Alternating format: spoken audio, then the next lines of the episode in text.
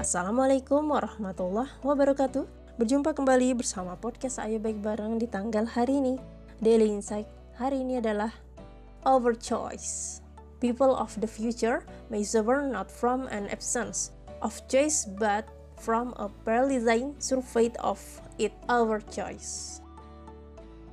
Demikianlah tulisan 40 tahun silam dari buku Future Stock karangan Alvin Plover Tulisan lawas itu adalah prediksi beliau mengenai keadaan kita sekarang yang ternyata menjadi kenyataan. Artinya, orang-orang di masa depan mungkin menderita bukan karena tidak adanya pilihan, melainkan justru lumpuh karena sebuah dilema. Kebanyakan pilihan.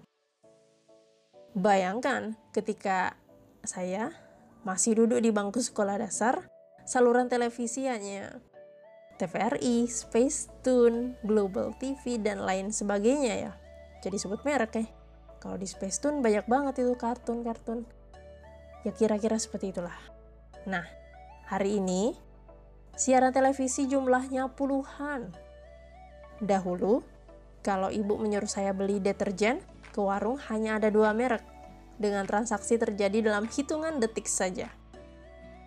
Sedangkan hari ini kita datang ke supermarket bisa menghabiskan waktu lebih dari 10 menit hanya di rak bagian deterjen saja. Bermacam-macam merek tersedia lengkap, bahkan setiap merek masih memiliki varian berbeda lagi, seperti plus pewangi, ekstra pelembut, bentuk bubuk atau cair, dan sebagainya. Banyak banget ya. Terlalu banyak pilihan. Over choice. Tidak selamanya memberikan kemudahan ternyata terkadang justru membuat kita bingung sendiri ya, dan akhirnya banyak waktu terbuang sia-sia. Inilah yang disebut dengan dilema oleh Towler. Bahkan, dalam beberapa hal terlalu banyak pilihan bisa membunuh produktivitas kita. Misalnya, ketika kita bergabung dengan banyak sekali grup di channel media sosial lambat laun, kita menjadi kurang produktif. Karena dalam otak kita seperti berjejal berbagai informasi yang terkadang tidak kita butuhkan menunggu untuk kita baca. Kita menjadi manusia yang kehilangan fokus. Kita menjadi manusia yang sibuk untuk hal yang sia-sia. Overchoice tidak bisa dicegah, kecuali oleh kita yang membatasi diri sendiri. Maka, marilah kita membuat filter pada medsos masing-masing ya. Apa yang kita anggap paling penting, pertahankan. Yang kurang penting, tinggalkan. Sayangi otak kita. Toh, kita tidak bisa menyerap dengan optimal jika seluruh informasi bercampur aduk jadi satu. Saat pilihan sudah cukup menyempit, maka kita akan punya banyak waktu untuk menyelesaikan apa yang harusnya kita kerjakan.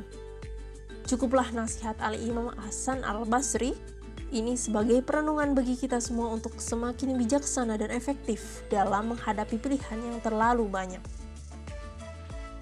Di antara tanda Allah berpaling dari seorang hamba adalah Allah menjadikannya sibuk dalam hal yang sia-sia sebagai tanda Allah menelantarkannya. Subhanallah, sungguh menampar sekali. Mudah-mudahan podcast hari ini bisa menambah kita, menjadikan kita tidak sibuk dalam hal yang sia-sia ya. Mari saling doa, semoga Allah tidak menelantarkan kita. Astagfirullah. Alhamdulillah. Summa Alhamdulillah.